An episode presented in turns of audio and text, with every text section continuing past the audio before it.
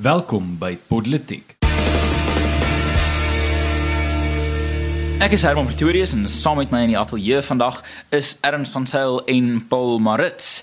En in vandag se episode, Pompeo ontwrig, ou Adrian dink terug en Trump neem 'n Indiese vlug. Reg, nou kom ons ons is bietjie hierdie week se politiek en ek dink ons begin bietjie deur daar na die die wit, rooi en blou land te kyk uh, aan die ander kant van Frankryk. die Soudam. Brittanje. Nee, daar's 'n paar sou damme, maar Rusland. Ja, ek- kan jy net konsentreer op wat ons hier doen, Paulus? Verstaan? Ek weet dis vroeg in die môre, Dis baie maar moeilik as Daniel nie hier is nie, want is moet ek ons al die mis om. tegniese goedjies kyk en ek weet nie mooi wat aangaan. so as vandag se episode regtig sleg is, dis dis Paulus se skuld. 'n een gemmer ou en twee ouens wat dalk gemmer kan wees sit in 'n vertrek. Dis letterlik ek dit Mis die gemmers. en ja, um, op op die op die soort van van die oors op die jas.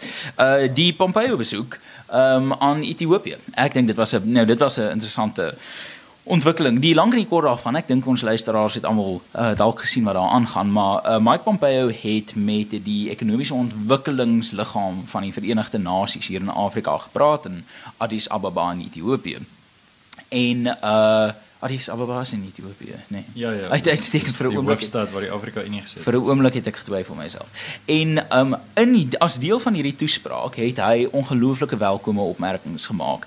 En ek moet sê die Suid-Afrikaanse burgerlike gemeenskap dink ek kan nogals baie uh in hulle noppies voel hiermee. Ek weet van die instituut van rasverhoudingskant af het ons al oor die afgelope paar maande so wa- waar ons kan met diplomate en agter die skerms en so gesels en van die verre ooste tot in Amerika het ons met met mense gesels en die en en Afriforum uh, doen is nou in Amerika besig met uh, dieselfde internasionale drukveld tog en ek dink dit is ongelooflik positief dat hierdie aanslag van Suid-Afrika se burgerlike gemeenskappe be- begin resultate lewer. Ek dink ons kan terugdink toe uh, Trump in 2018 gepraat het van die grondkwessie, plaasmoorde hier in Suid-Afrika en nou met uh, staatssekretaris Mike Pompeo, die Amerikaanse hoofdiplomaat, wat hierdie opmerkings gemaak het waarin hy gesê het dat grondonteiening sonder vergoeding het hierdie hierdie trekrekord van mislukking uh, in Tansanië en Ethiopië en nou in Suid-Afrika word hierdie weer oorweeg.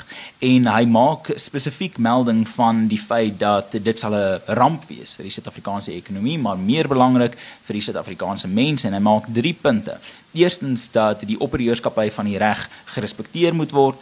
Tweedens dat eiendomsregte fundamenteel is tot ekonomiese welvaart en ekonomiese aktiwiteit en derdens dat jy net deur die respek die, die respek te toon hierdie twee kwessies met agting te hanteer werklik inklusiewe ekonomiese groei kan bewerkstellig. En my kollega John Kemberman maak hierdie baie goeie punt dat die ANC werk op hierdie sogenaamde balance of forces konsep nou al vir so vir hulle hele bestaan dat hulle hulle hulle beweeg en hulle kry stelselmatig die momentum agter een kant van 'n saak of 'n ander.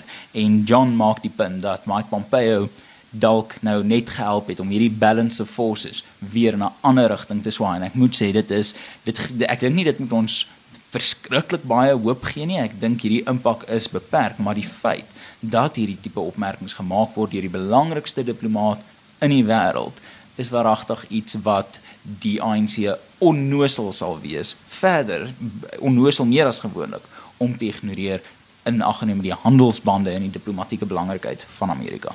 Wel dankie Herman, ek dink dit is 'n baie volledige inleiding en dit dit ondervang dit wat binne in sy gesprek plaasgevind het. Natuurlik uh wat vir my uh, kan ek amper sê wat, wat my asem wegslaan wat, wat my amper met 'n ken op die grond los is die die reaksie wat 'n mens gesien het daarna.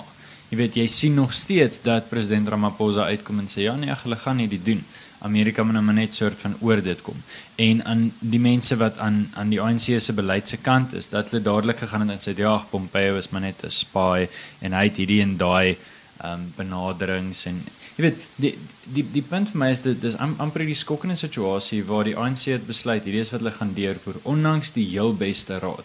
Jy weet dis daai ding van as jou ma vir jou sê moenie op die dak klim nie want jy gaan afval en jy besluit nee jy gaan dit doen en dan kom jou pa en hy sê moenie op die dak klim nie jy gaan afval en dan kom soos jou vriende en mense wat omgee en geleerdes en dokters en sê moenie op die dak klim nie jy gaan afval en jy gaan weet jy wat ek hoor wat julle sê en ek weet 'n klomp mense voor my het al op die dak geklim en afgeval maar ek dink hierdie keer gaan dit anders. Die nasionale demokratiese revolusie. Ja, hier- hierdie keer gaan eis, dit anders. eis. 'n ander dak En die, die afvallery. probleem is dis besig om met dit gebeur met soveel ander goeders. Dit gebeur met die NGV ook. Dit ehm um, wel eintlik alles waarmee die ANC op hierdie stadium aktief besig is met Eskom en die SAL ook. Hulle het duidelik nie die vermoë om die goed te bestuur nie, maar hulle wil dit deurdruk. Wat vir my kommerwekkend is spesifiek aan die gedagte van grondonteiening sonder vergoeding. Um, en en Pompeo noem dit ook, maar dit weet ons eintlik in die in die weste van die wêreld al vir baie lank is dat dit gaan nie spesifiek hier oor grond nie. Dit gaan oor eiendomsregte wat ondermyn word. En dit sê ietsie oor jou staat se beskouing van homself en jou staat se beskouing van sy mense. Hoekom sê ek dit? Want uh, as jy hierdie Hobbesiaanse idee het van die staat en hy moet hierdie groot magtige ding wees, uh, dan is dit kommerwekkend om te besef selfs Hobbes het nie geglo dat die staat hierdie tipe mag moet hê nie. So hierdie staat sien homself as groter en belangriker selfs as hierdie absolute uh, oppermag. Hy sien homself letterlik as die bepaler van ons dag tot dag optrede. Ehm um, dis kommerwekkend, maar dit is lekker om te weet dat soos jy sê Herman dat belangrike diplomate ten minste uitspreek daaroor. Uh nee, ek stem 100% met julle albei saam. Ek wil net 'n uh, paar gedagtes wat ek wil bysit. Ek dink regtig uh, Herman die belangrike punt hierso is die die ANC se reaksie op kritiek van buite af. Ek dink uh die ANC is soos 'n kind wat nooit gekritiseer was nie ek dink hy hulle was verlang die witbroodjies van die wêreld het uiteindelik net prys van die wêreld af gekry. En nou dat hulle ewe skielik bietjie 'n 'n kwaai woordjie kry van Anakanisia af, kan jy sien en wel, miskien is dit net ek wat dit sien, maar daar's definitief 'n angstigheid en 'n 'n ongemak met dit. Dit is nie die baie rustige uh fasaad wat hulle voorgee van ag ons gee nie om nie, dit is maar net wie ook al dit die die week iets gesê het nie. Daar is definitief 'n angstigheid. Ek kyk dit ek sien dit nie net in die politici nie, ek sien dit ook in hulle ondersteuners. Hulle ondersteuners is definitief hierdeur skrik gemaak. Mm. Dit is nie ek kyk na die manier wat hulle op sosiale media reageer. Dit is nie daai rustige ek weet hoe hoe iemand lyk wat rustig is en nie omgee oor wat iemand anders sê nie. Hierdie is definitief nie dit nie. Hierdie is 'n reaksie van mense wat weet maar hierdie is iemand met ongelooflike gesag wat vir regtig eintlik vir 'n bietjie op die uh, op die hand terapsie gegee het. Mm. En ek dink regtig in die toekoms gaan ons meer van dit sien. Ek dink die wêreld het begin agterkom maar hier is die ANC. Dit is nie net 'n uh, populistiese retoriek hierdie nie. Hulle beplan regtig om op die dak te klim. En ek dink op die ouend wat uh, gaan gebeur is dat hierdie ons gaan meer van dit sien. Ek dink nie dit gaan stop by Pompeo nie. Ons gaan ander wêreldleiers gaan hulle self uitspreek teen ehm um, Ja, Nederland het eintlik al reeds, Ja. maar dit is Ja. natuurlik nie binne mm. ons Twitter Ja. en so aan so so, so bekend. nie. Ja. En uh, ek dink wat dan gaan gebeur daarna is dat ons gaan dan sien hoeveel die ANC regtig omgee oor hulle buitelandse beleggers wat hulle so eintlik wat hulle sê hulle so graag wil wil aantrek tot Suid-Afrika. Want op die ouend van die dag die die ANC weet, ek dink die ANC verstaan baie goed dat uh, as die Suid-Afrikaanse ekonomie vou, dan gaan hulle party se se kraantjie ook heeltemal opdroog. So dit gaan 'n interessante paar jaar wees wat voor lê, maar die die belangrike ding vir my is dat die dit lyk vir my die wêreld is nou besig om die ANC se retoriek baie meer ernstig op te neem. En ek dink ons gaan ons gaan definitief meer sien van wat ons nou gesien het met Pompeo maar van ander Hmm. lande wat ook gaan sê maar ouens, ehm um, julle kan by hierdie pad afgaan maar ons gaan nie saam met julle daar loop Maar nie. ek moet sê ek dink ek dink die ANC het dalk Mandela se uh, shouties from the rooftops heeltemal verkeerd verstaan. Hy het nie, hy het nie gesê klim letterlik op die dak nie. Hy het meer gesê dat vryheid is 'n goeie ding. Klim te sien my metafoor hardloop. Onthou Stegosaurus beteken, jy weet op die dak, die die dier op die dak. So ons kan 'n Stegosaurus grapie. Wel, kyk, die ANC is 'n klomp ideologiese dinosourusse. So Ah, daar gaan ah, ons. jepies. Die uh die die uh wat wat ons uh, by die ERR het, het ek al met uh, met met van my kollegas gesels Wat wat jy by die ERR, mense sou dit Nee nie nee sê nee nee nee, Jy kom ek sê dit nie so. Kom nee nee, kom ek sê Jy dit so. nie Die dink dat rede- Den Shapiro se vroue dokter is. Nee, maar kom ek stel dit so, die rede is wat ek ek ek ek ek steun op my kollega se kundigheid en en ervaring want as ek hierdie ding wat ek nou gaan sê sê ek het dit in my persoonlike hoedanigheid uh ontdek dan dan sal niemand my glo nie. Maar van my kollegas praat met uh hoëgeplaaste ANC ministers en ek gaan nou nie name noem van die ministers nie, maar een van hulle wat tans in die kabinet sit, het uh, vir 'n kollega van my gesê dat hy um, hy glo die of die ANC se beleid is om en ek hou aan uh, 'n uh, uh, volhoubare model van welvaartonttrekking daar te stel. Nou dit was 'n verbasende oomblik van eerlikheid want ek dink dit is dit dit verduidelik so alles wat hulle doen van voorgeskrewe bates na grondonteiening na die vernietiging van eiendomsregte in die breë. So ek dink wat ons hier sien en soos jy sê erns is die ANC se model van welvaart onttrekking. Nou, die interessante ding is ek dink jy is heeltemal reg dat ons wêreldwyd gaan sien dat mense hierop gaan reageer, maar ek dink nie ons moet die fout maak om te dink dat hierdie mense reageer omdat hulle sien iets leliks gebeur in Suid-Afrika nie. Iets kommersieel skadelik gebeur in Suid-Afrika. En Suid-Afrika vir wat ook al dit werd is, is in baie opsigte nog steeds 'n uh, uh die die die Frankryk van Afrika nie sien dat ons as ons nuus kry die res van Afrika baie maklike verkoue of koronavirus. Uh so die situasie is uh problematies kommersieel en ek dink dit is wat Suid-Afrika moet besef. As ons 'n saak internasionaal gaan maak, dan is die kommersiële impak van grondonteiening sonder vergoeding regtig iets wat die buitewêreld kan verstaan. Ja. En as ons gaan dink dat 7% van ons uitvoerhandel um, is met Amerika dan begin mense verstaan dat as ons 7% van ons uitvoerhandel net so verloor, wat moontlik is as grondonteiening sonder vergoeding deurgaan en as die president die uh uh intellektuele eiendomsreg wetsontwerp wat op sy lesenaar is teken. As daai twee goeders gebeur, verloor ons AGOA en ons verloor die baie gunstige intellektuele uh, eiendomsreg uh, um, um, reëlings wat ons het met Amerika en dit gaan enorme nagevolge vir die Suid-Afrikaanse ekonomie en vir die wêreld kommersieel. Ja, nee nee nee met miskien 'n laaste gedagte daar ek ek dink ek stem 100% saam dat as jy regtig die die wêreld as jy die wêreld wil laat luister dan moet jy vir hulle laat praat, dan moet jy vir hulle vertel van wat gebeur in Suid-Afrika kommersieel en wat met die ekonomie gebeur. Want as kom ons sê uh, dat grondonteeneming was 'n groot sukses en dit het die ekonomie van Suid-Afrika laat groei. Kom ons sê alles wat die ANC beloof rondom dit is waar. Dan sou die wêreld vir hulle gesê het gooi uh, eiendomsreg in die see en hulle sal dit ondersteun het.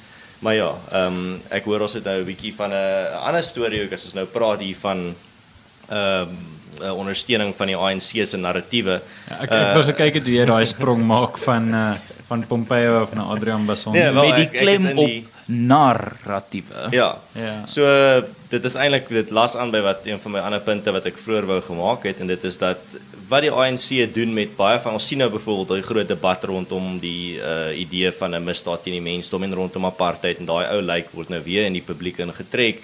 En ek dink wat ons hierso dan sien is nou die reaksie daarop en dit is die debat rondom al hierdie hierdie morele sake van van die verlede wat nou weer deur die media aangeblaas word. En ons sien dit nêrens meer duidelik as wat ons nou gesien het met Adrian Bason op sosiale media en Paul, jy het bietjie daar 'n paar gedagtes om te deel. Ja, ag so, kom ons kom ons stel dit so. Ek het aanvanklik erns dat ek het ek ook vir jou gesê ek is nie baie lus om te reageer nie.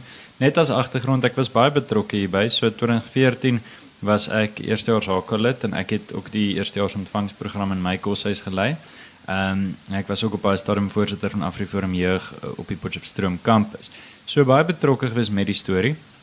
En wat gebeur het is na afloop van ek weet 'n klerk wat gesê het apartheid is nie 'n misdaad in die mensdom nie en wat dit toe onttrek het en ehm um, teens Elof wat by monde van die instituut gepraat het en die die onttrekking eintlik genoem het. Alhoewel teens Elof, jy weet, eintlik saam met Adrian gestem het deur die onttrekking te fasiliteer, het uh, het Adrian besluit om 'n reeks van so 6 of 7 tweets uh die wêreld in te stuur wat redelik goed gedoen het in terme van sosiale media tellings rakende die situasie in 2014 in Potchefstroom. Nou, dit is gehul in feitelike onakkurathede. Uh ten eerste het hy niks genoem oor die feit dat die wesselsverslag wat ondersoek moes instel uh, geen sodanige nasiekultuur gevind het nie en eintlik gesê het dat dit regtig maar onkunde en nou nie sê onskuldige fout nie want dit was nie onskuldige fout nie dit was dit was sleg maar dat dat dit nou regtig nie een of ander nasiekultuur was nie. Dit is bevind en uh, Adrian het dit nie genoem nie. Verder as dit sê hy maar hy is so verskriklik aangeval deur onder andere Flip Buys omdat hy nou durf goed sê het oor teens Elof en die kant toe en daai kant toe. Die punt van die saak is hy het nie ehm um, saam met 'n klomp joernaliste Potchefstroom toe gegaan om 'n beenbreek te ondersoek nie. Wat gebeur het is dat hulle die Facebook en al die video's wat geplaas word deur Koshuise gefyn kam het en toe ontdek hulle wag 'n bietjie dames Koshuise Koshuis groet ehm um, waar die eerste jaar se groet vir hulle primaria uitgewerk het en leisbaan neem toe af en die soliste snaaks genoeg was was 'n paar swart meisies gewees en uh dit hulle in daai in daai spesifieke video het hulle Koshuis groet gedoen. 3 minuut groet groet video met ja, so 'n sekonde. 'n Sekonde en 'n half was daar hierdie spesifieke groet, maar hy het dit gebruik om te sê daar's hierdie groot nazi kultuur. Ehm um, en dit was 'n skandaal wat aangeblaas is hoofsaaklik deur Adrian Bason se beeld. Ehm um, en hulle het dit 'n voorblad storie gemaak soos hy reg sê die 21ste Februarie, die dag waarop hy 6 jaar later besluit het om nou weer hier te sê. Nou ja, ehm um, dit wat hy gesê het daar was is onskuldig bevind. Dit is gebruik as 'n instrument om van Teens Elof ontslae te raak. Ek weet want ek was self daar betrokke en om Dan Gwadi in te bring. Ehm um, met die verstande dat ja, Teens Elof mis in afval 'n paar maande vroeër toe ehm um, sy posisie verlaat. Uh hoekom en nou is teens eel weer die teiken lyk like dit my Presies. Hoekom sê ek dit want uh Adrian Bason het hier so 'n bietjie net gegryp na ietsie. Ek weet nie of hy relevant wil bly of hy lank terug uh, 'n tweet gehad het wat 'n klomp retweets gekry het nie. Wat hy gesê het was sy kant van die storie. Daar's 'n groot verslag gewees wat hy nie aangehaal het nie en ek dink is sleg. Ek kan nie of hom hom te veel ligtheid te gee nie. Die storie moes in die verlede gelaat gewees het waar dit hoort. Um maar ek dink dit is reg. Um erns soos ek nie op sosiale media bespreek het dat ons ten minste ons kant van die saak stel en sê natuurlik regverdig ons nie onderdrukkende koshuispraktyke nie, maar as jy een kant van die storie wil vertel en jouself as die held wil uitmaak, dan is dit net reg dat mense reageer. Net miskien ek jy is volgende aan die beurt, maar net vinnig, dis net vir my so mooi om te sien hoe die hoe die skurke so mooi die ehm um, die wille die die willen speel die ehm um, die victim die die die victim so mooi. O, die slagoffer. Ja, die dit is net vir my so mooi om te sien. Dit is altyd so pragtig in elke storie as hulle die hulle terselfdertyd die held maar is ook die slagoffer. Nee, dis dis dis dis dis kunstig, pragtig. Dis nie journalisties nutteloos. Die die die probleem van uh, wat wat wat Adrian Mason hier kwyt. Hier soort van uh, by die die soort van nie eers 'n ou queen nie, maar verstaan 'n soort van 'n 'n 'n ek weet nie of van 'n muurvreter uit die sloot gaan opgrawe. Is dit is so tekenend van wat fout is met die Suid-Afrikaanse media tans. En ek sou ja. sê wêreldwye media ook. Daar is nie meer of daar's bitter selde. Ek dink ek kan die joernaliste uh, wat ek dink uh, hulle sou werd is op drie vingers stel. Dit vir die mense wat sukkel met by hoofrekeninge soos ek, dit beteken ek dink daar's drie van hulle in Suid-Afrika. En die probleem is buiten hierdie drie joernaliste sit ons met 'n situasie waar ons het nie joernaliste nie ons het aktiviste. Aktiviste wat maak asof hulle joernaliste is wat die uh, bekleding van 'n joernalis aantrek en dan probeer journalisties aktivisme te beoefen. Ja, hulle gee nie vir ons feite nie, hulle gee vir ons opinies. Nee, en dit is dit is dis absoluut uh, skokkend om om om dit werklik te sien. Maar sonder 'n opiniestuk etiket. Maar sonder 'n opiniestuk etiket. En en ja. dit is juis wat Adrian Basson hierso gedoen het. Is dit is so intens oneerlik wat hy gedoen het dat dit kan in in enige regverdige sinvolle regdenkende samelewing met 'n kritiese oorweging van sy media uh, of uh, of sou die media self hier beskaamd gevoel het en gedink het my magies hierdie was nie ons wonderlike oomblik nie. Maar meneer Basson is so uh verslaaf aan hierdie vorm van journalisaktivisme dat hy verragtig dink hy kan 'n punt hiervan maak 6 jaar later en gaan my maggies ek het iets hieruit geleer. Wel meneer Bason ons het iets hieruit geleer en dit is dat niks wat jy vanuit 'n journalistieke oogpunt sê ernstig opgeneem kan word nie. Jy vernietig jou kredietwaardigheid deur te dink 6 jaar gelede se leuns maak vandag se karakterslypmoord enigsins relevant en die tragiek van sy obsessie met Teens Elof. Teens Elof het, is regtig een van die mees opregte goeie mense wat ek al ontmoet het in die afgelope jaar van hier in die soort van media politieke kringe betrokke wees. Hy is 'n man van integriteit. Ek stem nie met hom alles saam oor alles nie. Maar vir Adrian was om hom en Flip Buys te verf as hierdie ek weet nie new nazis is verregaande en dit dit sê vir ons baie meer van ou Adrian as van enige iemand hmm. anders. Nee, en dit is ook vir my net nee, ek stem met alles wat julle altoe sa gesê het saam en dit wat vir my net regtig ooglopend is is dat hy lei sy tweet, sy hele tweet uh kort so dit daar op Twitter gedoen het in met kom ek vertel julle 'n storie van die Afrikaners. Die Afrikaners. Want hy het insig. Ver, verbeel jou vir 'n oomblik dat ons vat byvoorbeeld daar was 'n plaasmoord wat of plaasmoord wat gebeur het en dit was deur 'n Zulu ou wat dit uh gedoen het of Jacob Zuma en jy kritiseer vir Jacob Zuma op Twitter en sê kom ek vertel julle 'n storie van die Zulus. Mm. Dit is vir my dit dis my afskuwelik wat hy gedoen het. En dan mm. op dieselfde tyd moet ons ook verstaan dat hierdie is nie net een of ander joernalis nie. Hierdie is die hoof van Netwerk 24, die ja, die grootste nuus ja, die grootste nuushuis in Suid-Afrika en internasionaal seker ons een van ons groot verteenwoordigers in terme van media. Maar regtig, die wat ons hierso sien is ek dink dis goed dat julle dit uh daar daaraan geraak het is dat die, ons sien dit dit is reg oor die wêreld 'n besigheidsmodel wat die media nou aangeneem het want hulle kan nie regtig kompeteer met die internet nie. Die internet is baie meer ehm um, vermaaklik as die ou vorms van nuus en, en toeganklik vir Ja, Jan Alleman. toeganklik. Jy kan die video gaan kyk om agter te Ja. kom het Mike Bloomberg se veld Ja. tog 'n grappie gemaak. En jy en jy hoef nie meer wag tot die volgende oggend vir die koerant om te sien wat die nuus Ja. is nie. So om daarmee te kompeteer is die media, die hoofstroom media wat op 'n tyd baie respek gekry het van meeste mense Ja. af, is nou by hulle dink hulle in Amerika nou die onlangste polls wys dat ja die die media se aansig in die publiek is nou die laagste wat dit nog ooit was in geskiedenis van die land. En ek dink jy sien dit in in Brittanje ook eh, en in Suid-Afrika ook nou.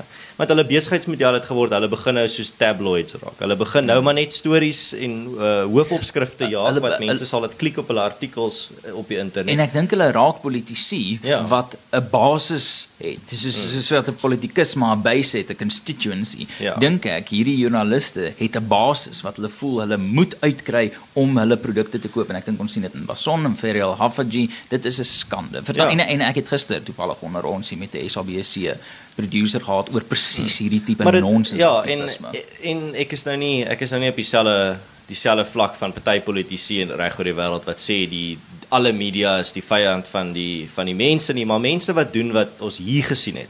Mense wat valse nuus versprei met 'n ag- met duidelike agenda en wat dit versprei om die die ehm um, rasseverhouding uh rasseverhoudings in Suid-Afrika nog verder te skeur en weet wat die gevolge gaan wees van wat hulle doen en dit nog steeds doen vir persoonlike redes.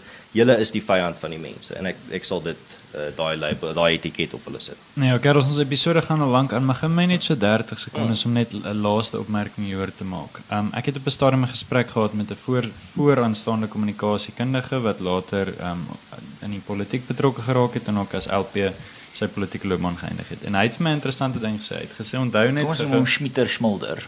Onthou net gou-gou wie's die mense wat opeindig in in jou in jou journalistiek klas met alle respek. Dis mense wat baie keer in hulle lewe vir baie lang dele van hulle skoolloopbaan gevoel het hulle het nie 'n stem nie en dan ewe skielik op 21 of 22 gee iemand vir hom die maat hier en sê vertel vir ons hoe jy voel.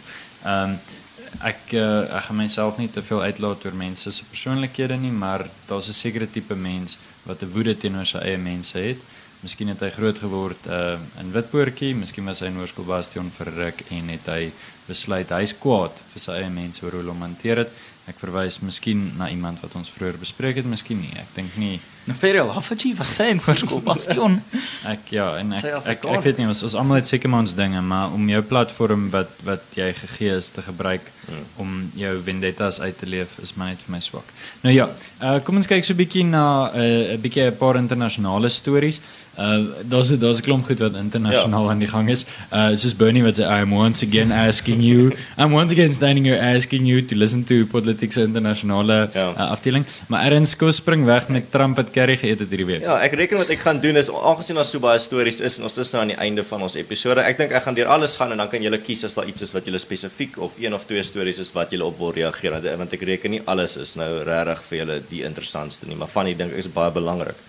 So eerstens uh, begin ons met uh, Bernie Sanders wat nou die voorloper is in die demokratiese resies vir hulle of wie hulle gaan verteenwoordig om vir Donald Trump aan te vat. Ehm um, so net vir ons net 'n vinnige konteks vir ons luisteraars wat nie weet nie. Die demokrate is nou besig om staat vir staat te gaan en te stem vir wie hulle wil hê die party moet verteenwoordig teen Donald Trump in November. En hulle het al in 3 state gestem. Uh die eerste staat was 'n uh, absolute kraaines met in terme van klomp uh foute wat ingekom het die app wat hulle gebruik het uh om te stem met heeltemal uh die pad byster geraak. En eintlik weet ons nie regtig wat die resultate daar was nie. Almal stry daaroor, maar op die ou end was daar half 'n uh, 'n wen vir Pete Buttigieg en uh, Bernie Sanders gelei lei amper gelyktydig. Die tweede keer het uh, by die tweede staat het Bernie Sanders gewen en nou die derde staat het hy weer gewen. En op die ou end lyk dit vir my nou en dit het hom nou die voorloper gemaak. Uh, iemand wat in die verlede uh, nie eens deel van die demokratiese party was nie omdat hy homself 'n sosialis genoem het is nou die voorloper. So dit is baie interessant. En dan uh, Donald Trump het ook vir Indië besoek. Uh, hy het daar so 'n toespraak gedoen en dit is ook maar net 'n gewone diplomatisiese uh besoek wat gewoonlik gedoen word om bande tussen die lande te versterk. Ehm um, ons het bietjie voor die uh pos begin opneem met net politiek bietjie daar gegrap, so ek sou graag hoor hoe die manne daar uh, wat vir hulle uitgestaan het daar. En dan ook die goedkeuringsgradering van Donald Trump het hierdie week uh by 46% uh gestyg wat en wat hierdie belangrik maak is dat Obama se goedkeuringsgradering se was gemiddeld rondom 47%. So dit is nogal 'n groot 'n groot veer in in Donald Trump se hoed. En dan laastens iets wat ek gedink het nog 'n skrikwekkende storie is, is wat gister gebeur het in terme van wêreldmarkte wat deur wat uiteindelik deur die koronavirus geaffekteer is en bietjie gehoes het. Ehm um, ek dink die Amerikaanse ehm um, uh, Amerikaanse aandelebeurs het met iets soos 4% geval. En dit is reg uh, iets wat mense moet begin dophou want ons het nou al 80000 gevalle in China uh oor 1000 in Suid-Korea en daar's al 2600 mense wêreldwyd oorlede aan die virus en Italië het nou sy eerste groot klomp uh, gevalle gekry. Hulle is al by die 200 gevalle en hulle het nou begin dorpe kwarantyne waar hulle sekere dorpe sê maar jy mag nie tussen jy mag nie uit die dorp uit gaan sonder sekere uh permissies nie en hulle is nou besig om die siekte baie ernstig op te neem. So en ek kan sien dit is hoekom en dit is hoekom die markte reageer want hierdie is besig om ekonomie te te raak nie net in in die ooste nie maar ook nou in die weste. So uh, ek dink die twee goeders wat vir my uitstaan is dat eerstens jy jy praat van Bernie Sanders en coronavirus, jy weet hierdie uh, siekte wat internasionaal versprei en mense se dood veroorsaak en ekonomieë uh, vernietig en dan ook uh, uh, die coronavirus wat jy aangeraak het want uh, jy het sosialisme wat wat uh, mense se dood veroorsaak en ekonomieë vernietig. Ek het die coronavirus geraak nie. En, wat kan nie meer in my kantoor nie. Met erns weet mens nooit nie. Ehm um, so is die die die die interessante ding hier wat ek dink ons gaan sien is uh, wat ek wat ek wil fokus op nou politieke soort van vreemde kreatuur is wat nou gaan gebeur tussen Mike Bloomberg en Bernie Sanders. Daar word ons ons hou julle oë oop vir 'n breë uh, kanonvuur scattershot benadering van die Bloomberg veldtog om Bernie Sanders hierdie uh, trotse sosialis uh, te keer om die nominasie te kry. Want ek dink die demokrate so mal as wat hulle gereeld is. Dink ek hulle weet dat die koronavirus is is is elektoraal uh, meer vatbaar vir die withuis as iemand soos Bernie Sanders Ja, ehm um, okay, goed. So 'n klomp internasionale stories natuurlik. Ek dink is dis belangrik om dit dop te hou en die interessante ding is hierdie is die stadium wanneer die Amerikaanse politiek juis belangrik raak. Is wanneer daar hierdie twis is oor wie die kandidaate is wat gaan staan. Nou alreeds lank terug het het verskeie ek sê lank terug, maar maande terug het was al mense wat gesê het dit gaan twee ehm um, ou wit biljonêers wees wat te mekaar staan vir die Withuis. Ehm um, wat eintlik, jy weet, as jy nou interseksioneel na dit kyk, sê dit die sekere dinge kan sê oor die FSA en so. Ehm um, my gedagte is maar net dit. Ek dink wat die demokratiese party betref, het hy soveel interne moeilikheid. Hy het soveel van 'n identiteitskrisis dat dit miskien goed is dat daar iemand van buite af kom. Ek dink hulle is vir soveel jare vasgevang in hierdie Clinton en Obama narratief. Jy weet dat daar mense was wat gesê het nee, maar laat Michelle Obama staan want dit is dit gaan mos werk. Um om net jy weet dit weer te probeer om die vrou van 'n vorige president op te stoot. Uh jy, jy ja, so ek dink wat die demokratiese party betref, hy moet homself vind uh hulle gaan die opdrifsels van die sosiale demokrate dit lyk asof hulle dit uh, Alexandra Octavio Cortez soort van in 'n mate aangespreek het maar hulle gaan nog steeds hulle self moet vind. Die gemiddelde Amerikaner en dis werklik my lees daarvan ja hulle het 'n massiewe hoeveelheid studieskuld dis waar Ehm um, maar hulle het 'n goeie kans om my studieskuld af te betaal want dit is 'n skuld wat aanhou rol want jy het 'n goeie kans om 'n goeie inkomste te maak in die FSA. So ja, daar's konstant hierdie skuldlas, maar dis eintlik nuwe skuld wat inkom en ou skuld wat afbetaal word en in ruil vir daai skuld kry jy wêreldklas kwalifikasie. Waar die oomblik wat jy dit gratis maak, weet ons dat daar gehalte implikasies is. In baie gevalle in Duitsland was dit nie, maar in baie lande is dit. Nou goed, kom ek som op. Ek dink uh 65% van so daai selfde meningspeiling wanneer jy verwys erns wat ehm um, vir Trump op baie plekke 49 op baie plekke 46% goedkeuringsyfer gee. Daai selfde meningspeiling sê daar's 65% kans dat hy verkies gaan word. So baie Amerikaners wat nie met hom saamstem nie, dink tog dat hy herverkies gaan word.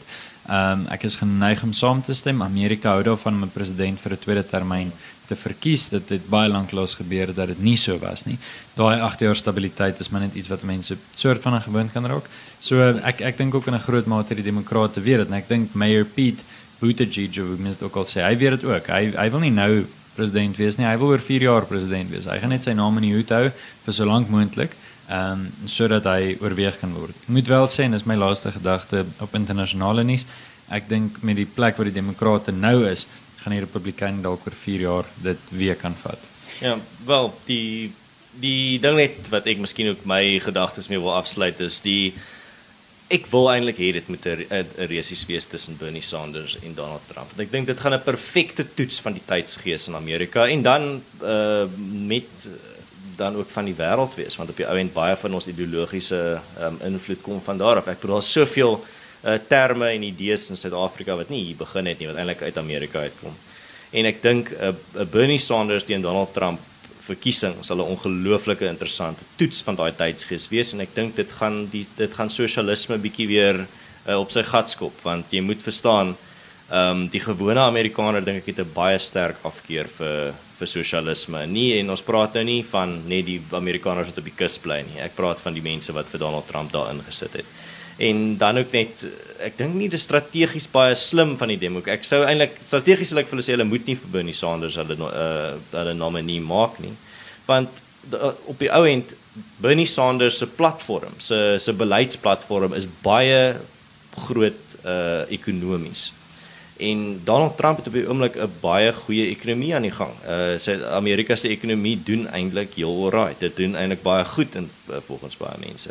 En om nou dan dit aan te vat met 'n ekonomiese uh platform, uh met 'n beleidsplatform wat 100% fokus op om die ekonomie te restruktureer, soos wat Bernie Sanders nou sê dat hy wil uh baie van die uh hy wil so byvoorbeeld hulle elektrisiteit nasionaliseer ek dink dit is 'n baie baie slim platform nee. om te om te vat nie. En ons praat uit ervarings en interessers. Ja, ja. Ek dink die een ding waar ek hierdie twee stories eintlik bymekaar wil uitbring is daar sou 'n groot risiko dat die koronavirus 'n uh, ekonomiese 'n uh, globale ekonomiese impak gaan hê en dit gaan 'n dit gaan dalk 'n uh, uh, spanner in die works van die uh, Amerikaanse verkiesing gooi. Maar dis nie so maklik om te sê dat daai spanner in die works sal natuurlik uh, sal noodwendig wys Trump se situasie verswak nie. Al wat ek sê is dat die wêreldekonomie is op 'n baie baie fragiele punt na die uh, ineenstorting 11, 12 jaar gelede en ek sal nie verbaas wees as die koronavirus en die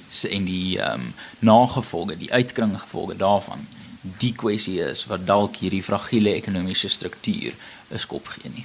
Nou ja, 'n paar lekker stories wat ons al vir bespreek het hierdie week. Uh wat 'n blink aan bo betref, erns ek uh, ploeg nou 'n bietjie met jou colors, maar ons is natuurlik bly om te sien dat AfriForum se internasionale reis so goed gaan. En sluit ons hierdie episode af. Uh soos wen rugby op Loftus Versveld is hierdie episode vir eers verby. Ons nooi jou as luisteraar uit om self bietjie te ontnonsens hierdie gesprek voort te sit in die kommentaarafdeling. Ondersteun ons gerus en asseblief op Patreon as jy hou van wat ons doen. Uh, ons is jammer vir Herman, hy was maar deel van die pakkie gewees. Uh, jy is ook welkom om ons resensie te los met jou klagtes en gedagtes.